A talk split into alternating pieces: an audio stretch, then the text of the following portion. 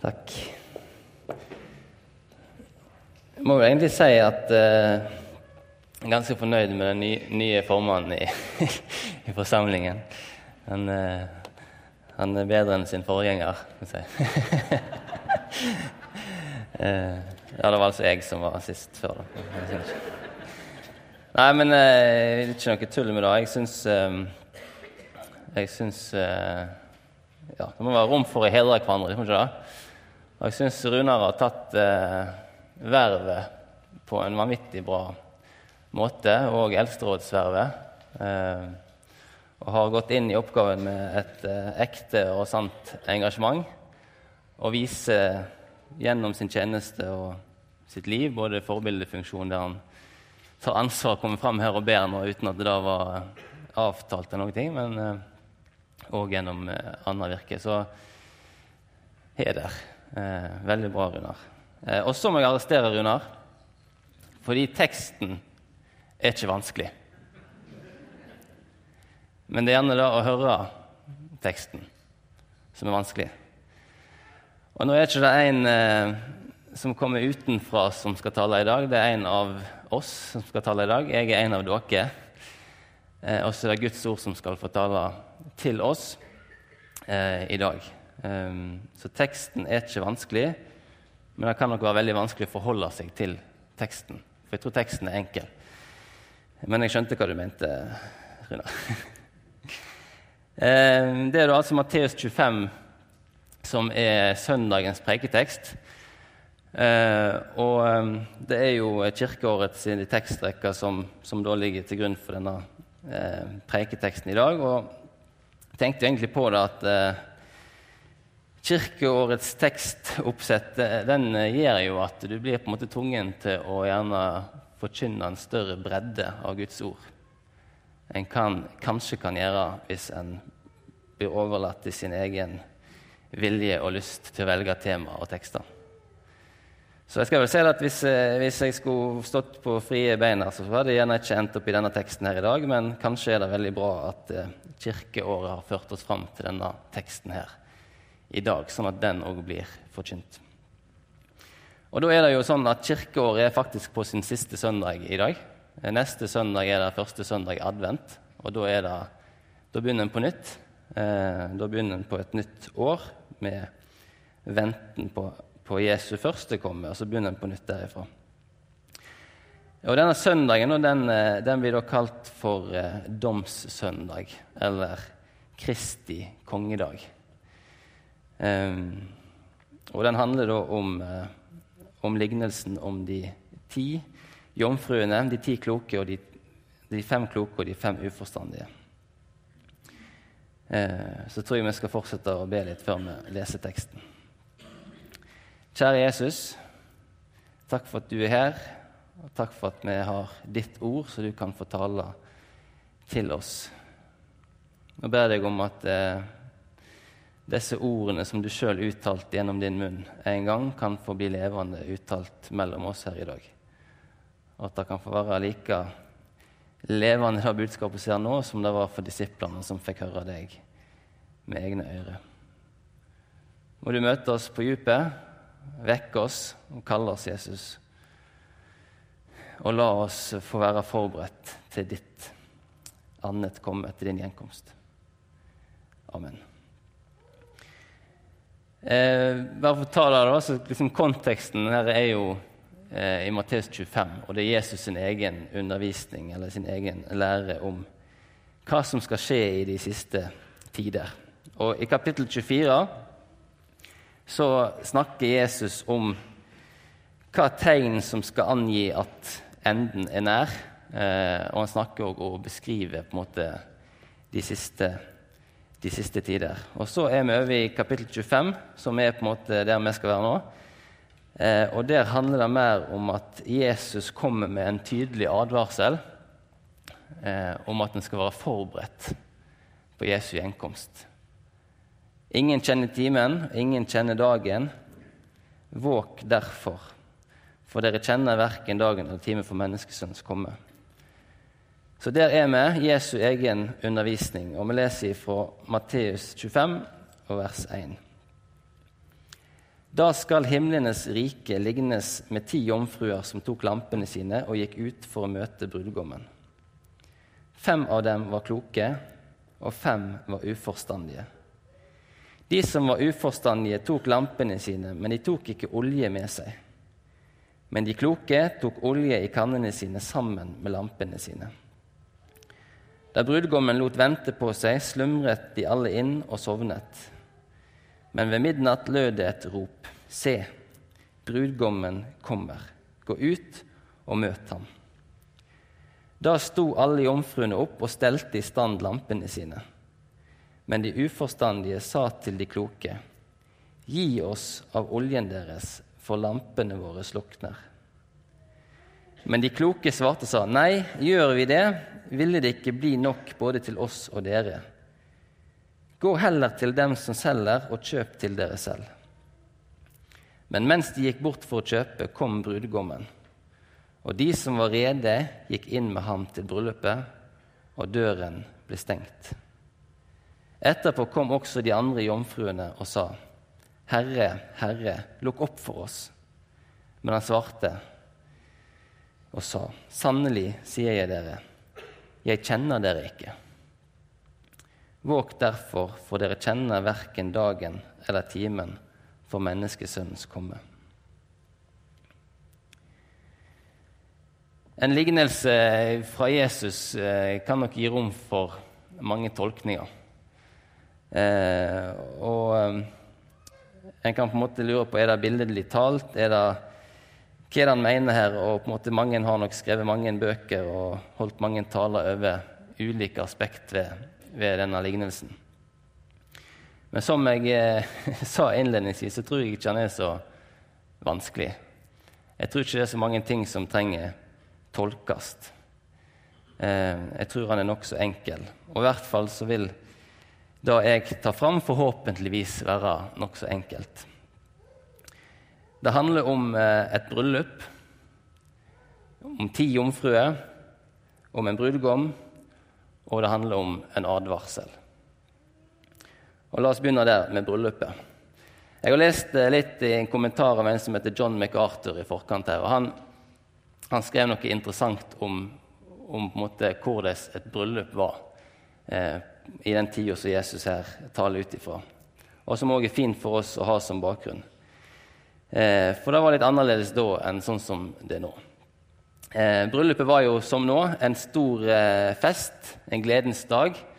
Og i en sånn eh, jødisk eh, landsby, eller en, en, by der nede, så var det en stor begivenhet der alle samles og feirer. Feirer den store begivenheten.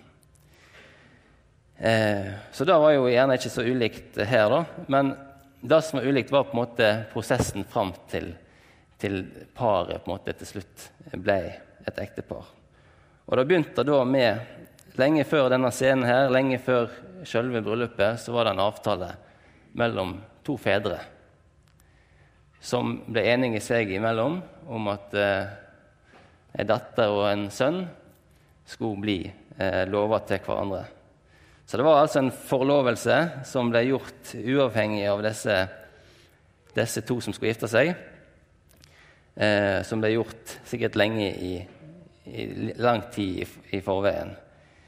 Eh, og så En stund etter så kom en til måte, forlovelsen, eh, ekteskapsinngåelsen mellom disse to.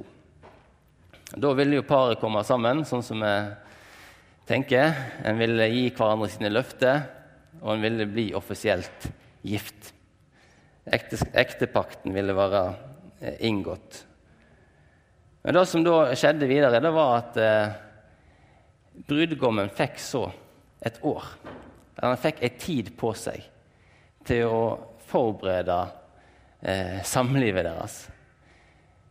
Da eh, flytta de ikke sammen. Samlivet starta ikke, men de forlot hverandre der etter at ekteskapet var inngått. Og så gikk han eh, der han måtte gå, for å forberede seg. Kanskje skulle han kjøpe en gård, kanskje skulle han bygge et hus. Kanskje skulle han bygge et påbygg på foreldrene sitt hus, eller et eller annet. Han måtte iallfall forberede seg på å være i stand til å ta seg av sin hustru. Og legge grunnlaget for det livet som de skulle ha sammen. Så der var det altså en litt spesiell, spesiell sak. Og det er jo Jeg har jo sjøl gifta meg, og det er jo flere her som har gjort. og på en måte Alt kulminerer jo mot denne bryllupsdagen. Og da liksom Du kan jo tenke deg der på kvelden at du da på en måte skal ende med at du skal gå til sitt. Eh, I stedet for å få starta samlivet og, og, på en måte fortsette. Eh, men her var det altså sånn. Da gikk brudgommen tilbake og forlot hustruen og forberedte eh, deres samliv. Og Her er jo en sånn fin sånn analogi, da, eller eh, kan være da et feil ord, men det, det var iallfall det ordet som kom i mitt hode nå. Men en fin sånn overføring. For det handler vel egentlig om at i utgangspunktet så er mennesket skapt til å være med Jesus. Du, du er lova bort i utgangspunktet. Før, før, Gud, før, du noen gang tenkte på Gud, så var, hadde han tenkt på deg. Du var lova. Du var lova til å være med Han i evighet. Det er gjort en avtale. Og så ble på mange måter den avtalen brutt. Det var en skilsmisse som skjedde der i Edens hage, og mennesket på en måte kom vekk. Men det var fortsatt der en hørte til. Og så har vi på en måte som lever, og som er kristne, vi har fått møtt Jesus på et eller annet tidspunkt. Vi har fått tatt imot han, vi har fått del i hans liv, og vi er på en måte vi er klar for det evige samlivet med han. Og så sa han, men se, jeg går bort for å gjøre i stand en bolig. Brudgommen har forlatt oss. Brudgommen er i disse dager, i disse minutter, akkurat nå, i ferd med å lage denne boligen skal, der vi skal være sammen med han. Og så er vi her nå, og så er vi der som disse er i denne teksten. Vi venter på brudgommen. Vi venter på brudgommen. Og tenk da, en dag kommer han igjen. Og så skal vi evig få være sammen med han. Han skal gjøre slutt på all sorg og pine og alt som vi kjenner som vanskelig og vondt i denne verden. Og så skal på en måte festen få starte, så skal på en måte jubelen få reise seg. Og så skal vi få være der sammen med Jesus. Og så er det gjerne ikke så nært på oss så ofte i hverdagen, men så er det der vi skal være. Vi skal leve i forventning, i venting og i en spenning som en brud som måtte forlate brudgommen, og som måtte gå gjerne opp til et år og vente på at brudgommen skulle være klar. Og Nå var det jo mye bryllup her, og jeg føler livet mitt har vært mye bryllup i, og brudgom og brud i det siste. Sist helg så, så uh, gifta den eldste søstera mi seg. Og, eh, og endelig, får vi si. Hun har venta, og vi har venta eh, på at det skulle bli hennes tur. Og endelig var det hennes tur sist helg. Um, og, og, en stor begivenhet sant? i familien. Et bryllup. En brudgom og en brud som skulle bli ett. Eh, og nå er vi jo i den situasjonen at eh, far vår er død. Og hvem tror dere var utpekt til å få gå opp kirkegulvet? Jo, det var meg. Lillebror fikk følge storesøster opp til alters. Og det har jo ikke jeg gjort før. Eh, og det var utrolig fint, altså. Fikk jeg stå der og passe på at eh, hun holdt Du skal jo ikke holde buketten der oppe, du skal låse armen der og gå litt fint med den buketten. Og så en ting som jeg er litt opptatt av det er at, i en sånn vielse, det er at når bruden kommer inn så skal hun ha blikket festa på brudgommen. Av og til så kan jeg gjerne se at bruden liksom endelig kommer inn, og så er alle gjestene der, og så er det liksom sånn Hei! Mer opptatt av gjestene enn den som står der framme. Og det hadde jeg strengt formant storesøster om at du skal holde blikket der framme. Og jeg så på bildene etterpå at hun var ganske flink på det her. Så det var veldig bra. En flott dag. Eh, og, eh, og meg og, og Reidulf vi er jo i den lykkelige situasjonen at vi har en felles nevø på fem år. med flott Molde-dialekt. Og han eh, var jo så fascinert eh, og fikk se tante Grete her i hvit kjole. Så han, så han sto der og sa han liksom Jeg syntes tante Grete var så fin at jeg holdt på å skrike. så, eh, så mye bryllup, sant. Og, og så ikke nok med, med forrige helg. sant? Helga før der igjen så, så var vi her i Betlehem med bibelhelg med han Jan Tore Olsen fra Fjellheim. Og så var det høysangen som var tema. Og, og forholdet mellom bruden og brudgommen ble, ble, malt ut i det vi får vel si det vide og brede. Og utrolig flott. Og jeg fikk være med på noen av timene. Og vi hadde også i etterkant hadde med bibelgrupper der vi på en måte gikk gjennom og på en måte delte hva vi hadde sett. Så liksom nå er det også i dag, da. det er mye brud og, og brudgom, og så er jeg jo gift ellers òg, så det er jo egentlig det det går i dag. Men, men for å dele litt eh, Dere som ikke var og gikk glipp av hele høysangen Det er, er så masse fint i, i dette bildet. Hør her i, i kapittel 1, der bruden omtaler sin brudgom. Ved den herlige duften av dine gode salver er ditt navn en utøst salve. Hans navn er en utøst salve. Og så er det brudgommen i kapittel 2. Ser på sin brud han, som en lilje blant torner. Slik er min kjæreste blant pikene. Og brudens gjensvar. Han førte meg til vins hus. Hans banner over meg er kjærlighet. Tenk å være der. Ha dette forholdet til sin brudgom. Hans banner over meg er kjærlighet. Altså for oss som har små barn, og alle som har holdt et lite barn i sine hender. Hans venstre hånd er under mitt hode. Hans høyre hånd omfavner meg. Du legger et barn i dine hender og omfavner det. Der er du, bruden og brudgommen. Kapittel fire. Brudgommen ser på sin brud og sier, 'Du er vakker, min kjæreste'. Det finnes ikke noe lyte på deg. Og bruden, kapittel 5, vers 10. Bruden ser på brudgommen, sier, eller beskriver brudgommen. Min elskede er hvit og rød. Hvit og rød. Han regner.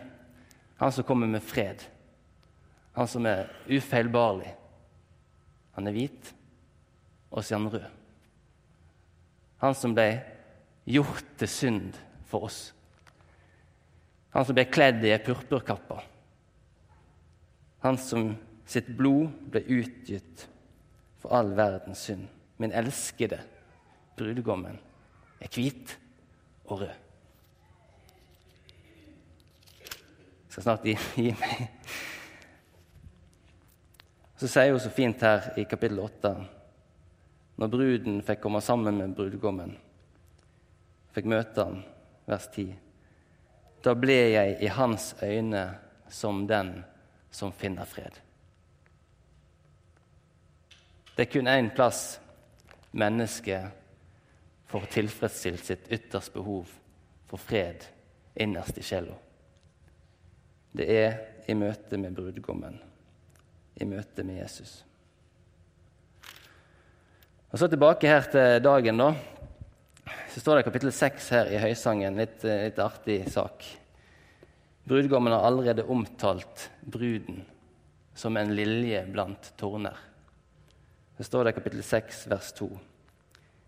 Min elskede har gått ned til sin hage, til krydderbedene, for å røkte sin jord og for å plukke liljer. Jesus kom igjen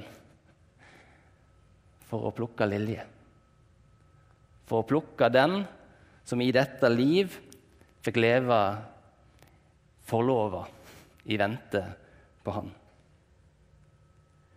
Så er vi der i denne teksten i Matteus 25 i påvente av brudgommen som skal komme. Og vi har forstått hvordan dette gikk til, og så er vi inne direkte i lignelsen. Og Det begynner med disse ti jomfruene. Hvem var de? Og hva var det med disse lampene? Hvem var disse ti? Faktisk så viser det seg at det er ikke snakk om en lampe. Det er snakk om noe som ligner mer på en fakkel. En trestake, en pinne, som hadde noe tøy, stoff, festa i toppen, og som var dynka i, i litt olje. Sånn at den kunne tennes. Og så var poenget med denne flaska at eh, en hadde ei flaske med olje med seg i tillegg, sånn at en kunne helle på ny olje på fakkelen for å opprettholde flammen. Så det var ikke noen lampe, sånn som jeg ser for oss, men det var en fakkel. Og disse ti jomfruene de var da brudens eh, ja, brudesvenner. Eh, kanskje venninner, søstre, søskenbarn. De var iallfall utvalgt til å være med bruden og venta på at brudegommen skulle komme. Og Symbolet som på en måte kjennetegner at den var på en måte blant disse ti, det var nettopp fakkelen. Det var fakkelen. Så er altså ventetida over, og brudgommen kommer. Og Så gjør de som de skal. De reiser seg, og de går for å møte brudgommen og sikkert være med i hans opptog og viser vei til der bruden venter. Så bruden, brudgommen kunne få hente bruden. Men hvem er disse jomfruene?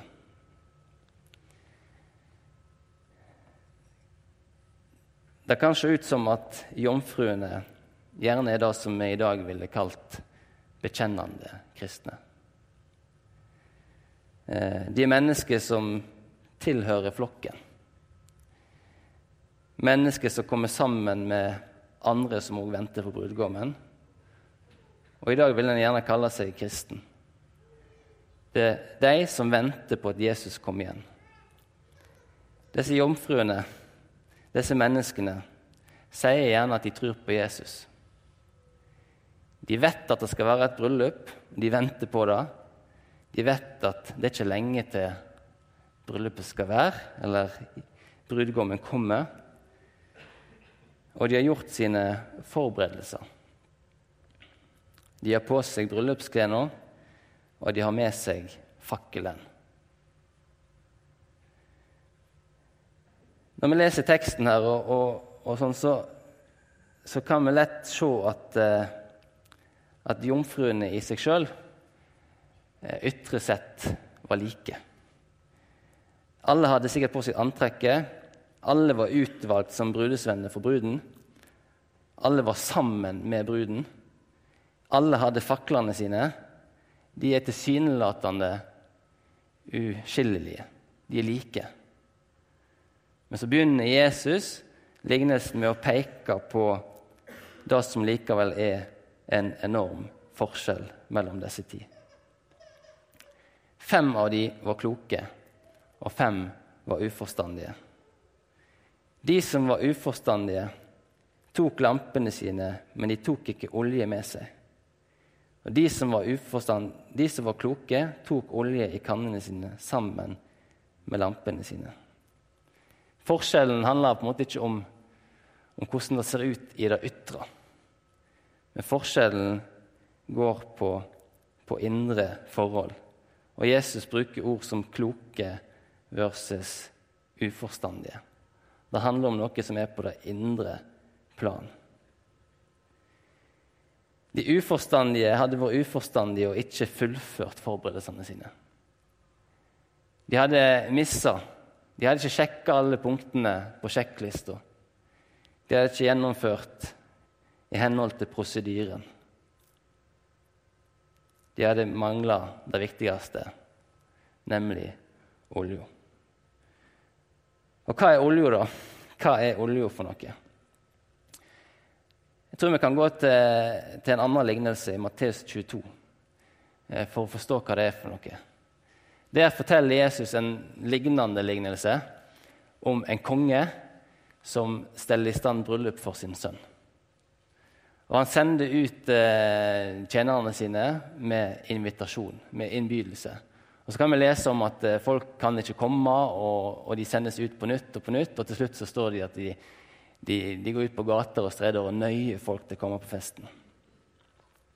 Og Så er festen i gang, og så blir de oppmerksomme på at det er en gjest der som ikke har på seg bryllupsklær. Det er en som har kommet inn, som ikke har bryllupsklær.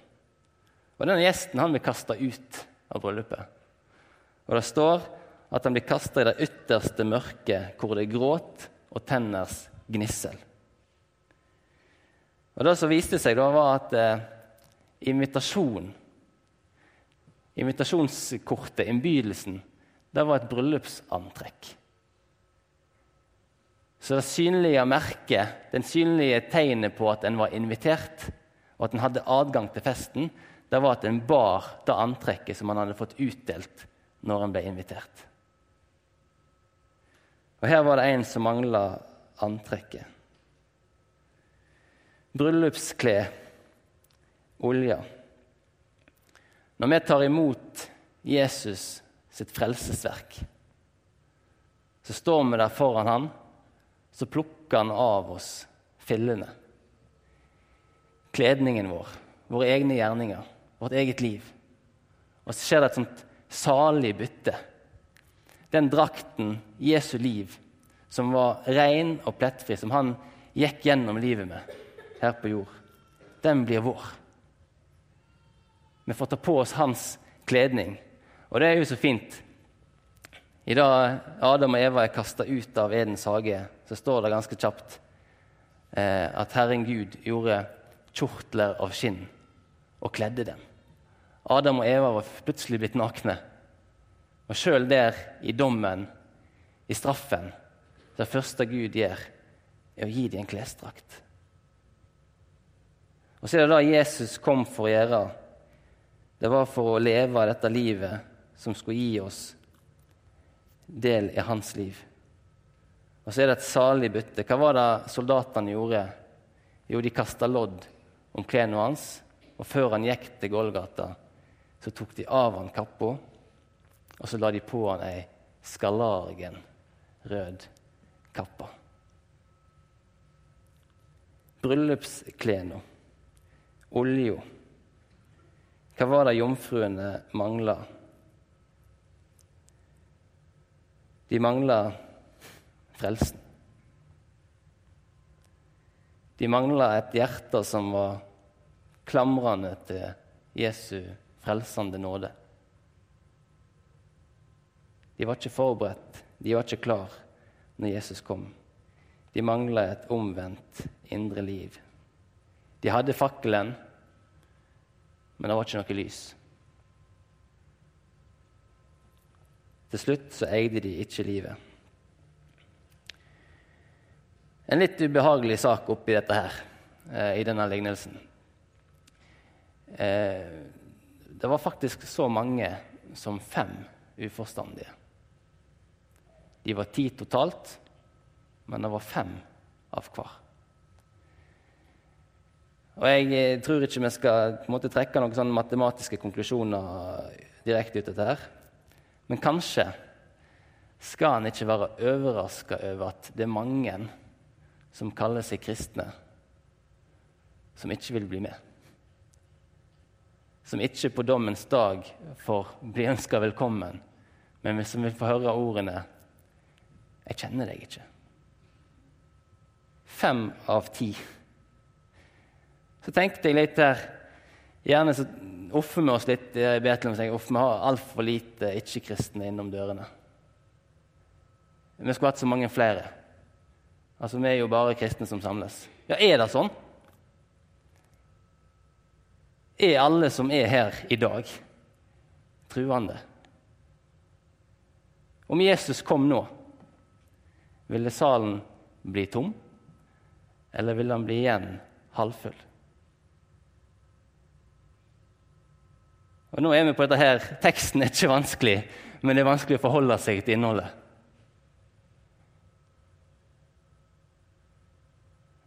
Fem av ti.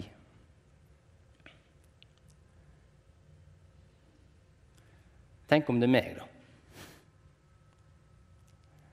Lever jeg i et eh, sjølbedrag? Går på møte? Lever ytre sett som alle andre? Men så er det noe som ikke brenner på innsida. Tenk om det er meg. Eller tenk om det er deg.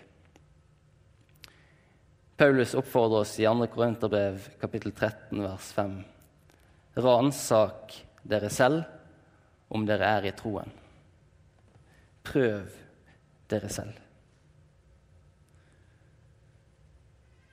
For med midnatt lød det et rop. Se, brudgommen kommer. Gå ut og møt ham. Da sto alle jomfruene opp og stelte i stand lampene sine. Men de uforstandige sa til de kloke, gi oss av oljen deres, for lampene våre slukner.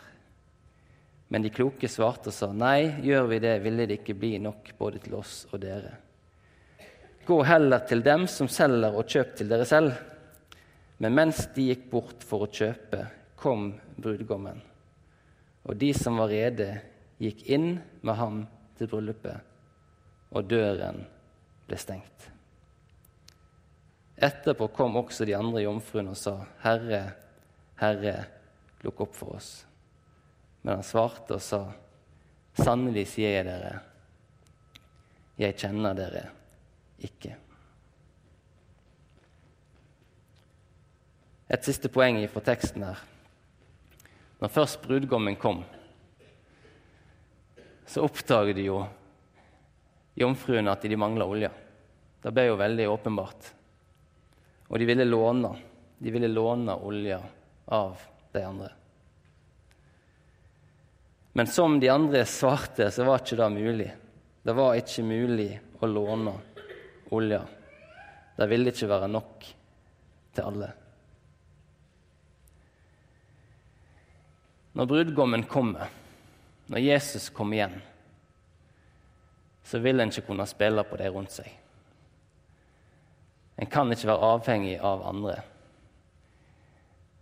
Alle, hver enkelt av oss, er ansvarlig for vårt eget liv. For ditt eget forhold til Jesus. Frelsen skal deles med alle, men kan ikke deles. Frelsen er for hver enkelt.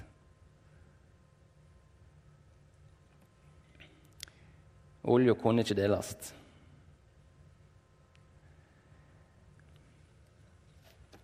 Lukas 13, eh, vers 24, fra vers 24.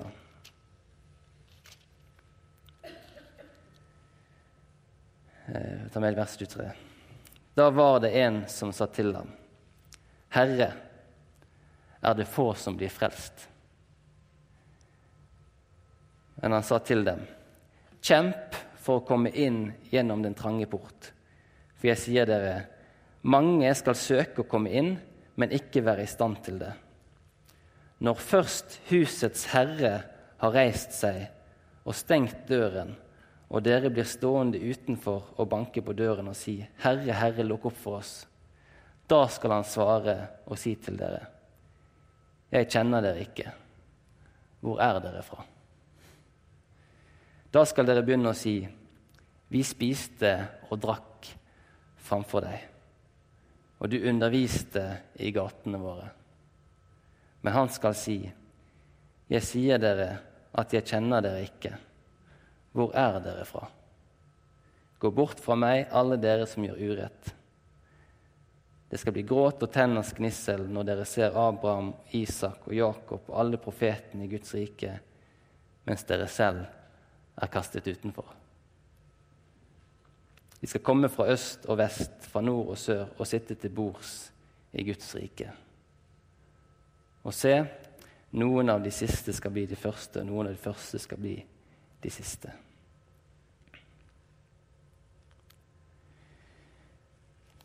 Ja. Jesus avslutter med gjerne det som er poenget hans med hele lignelsen. Våk derfor. Våk derfor, for dere kjenner verken dagen eller timen for menneskesønnens komme.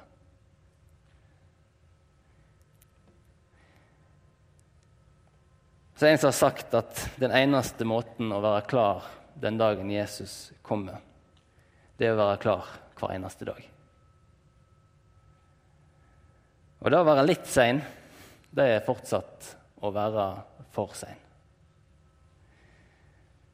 Så jeg prøvde på en måte å tenke litt på dette her inn i ja. Altså, Vi går rundt i vår hverdag, og det er et vanvittig jag. Det er et jag. Og Det er så mange ting en skulle gjort som en ikke får gjort, og så gjør en jo så forferdelig mye i tillegg. Eh, altså Tanken på Jesu gjenkomst den er nok eh, fjern for mange av oss, iallfall for meg. Eh, men så har du jo òg tanken på din egen død. Det er jo ikke sikkert en lever til Jesus kommer igjen. Eh, så har han gjerne et forhold til at en skal dø, men på en måte livet er på en måte en selvfølge og en på en måte har sjeldent eller aldri på en måte refleksjoner over dette.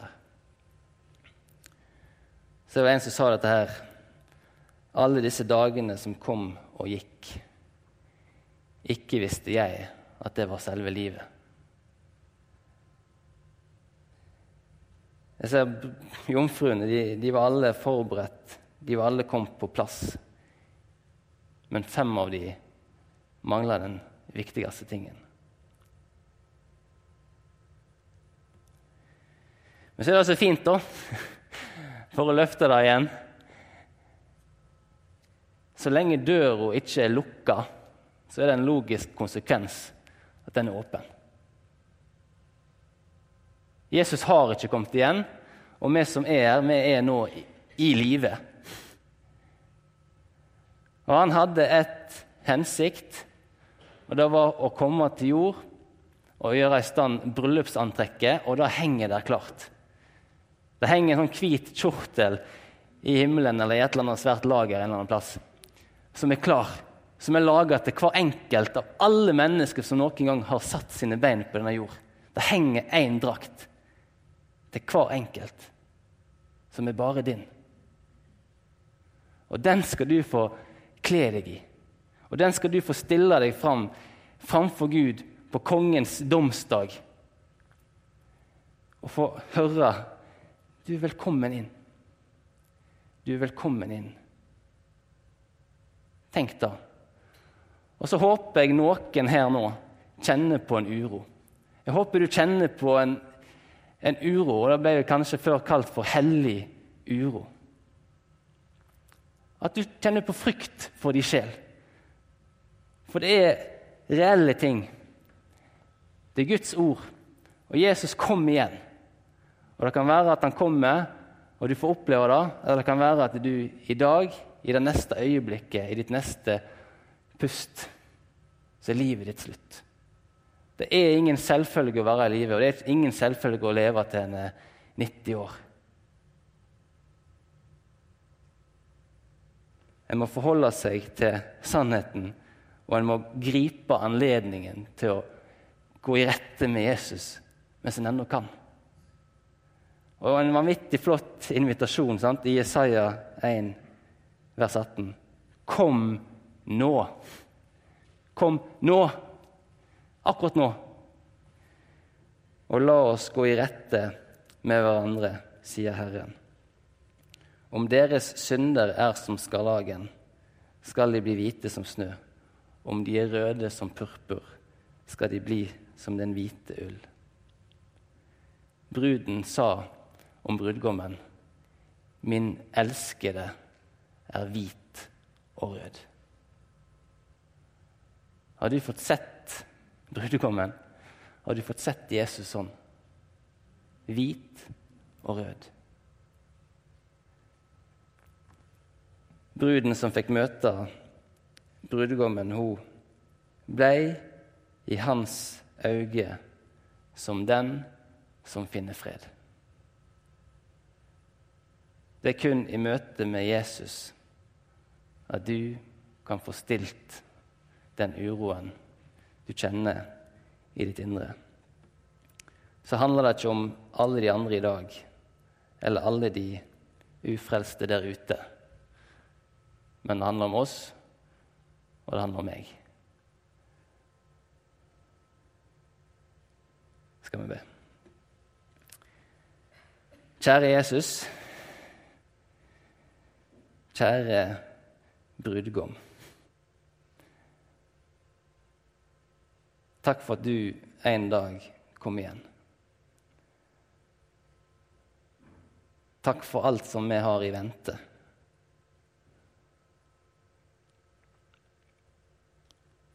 Takk for ditt verk for oss som gir oss adgang inn til det aller helligste. Så ber jeg Jesus, om det var noen her iblant oss i dag som på dommens dag ikke ville kommet inn må vi få oppleve jubel og glede i, i himmelen i dag, Jesus, ved at ei ny frelst sjel er blitt født. Amen.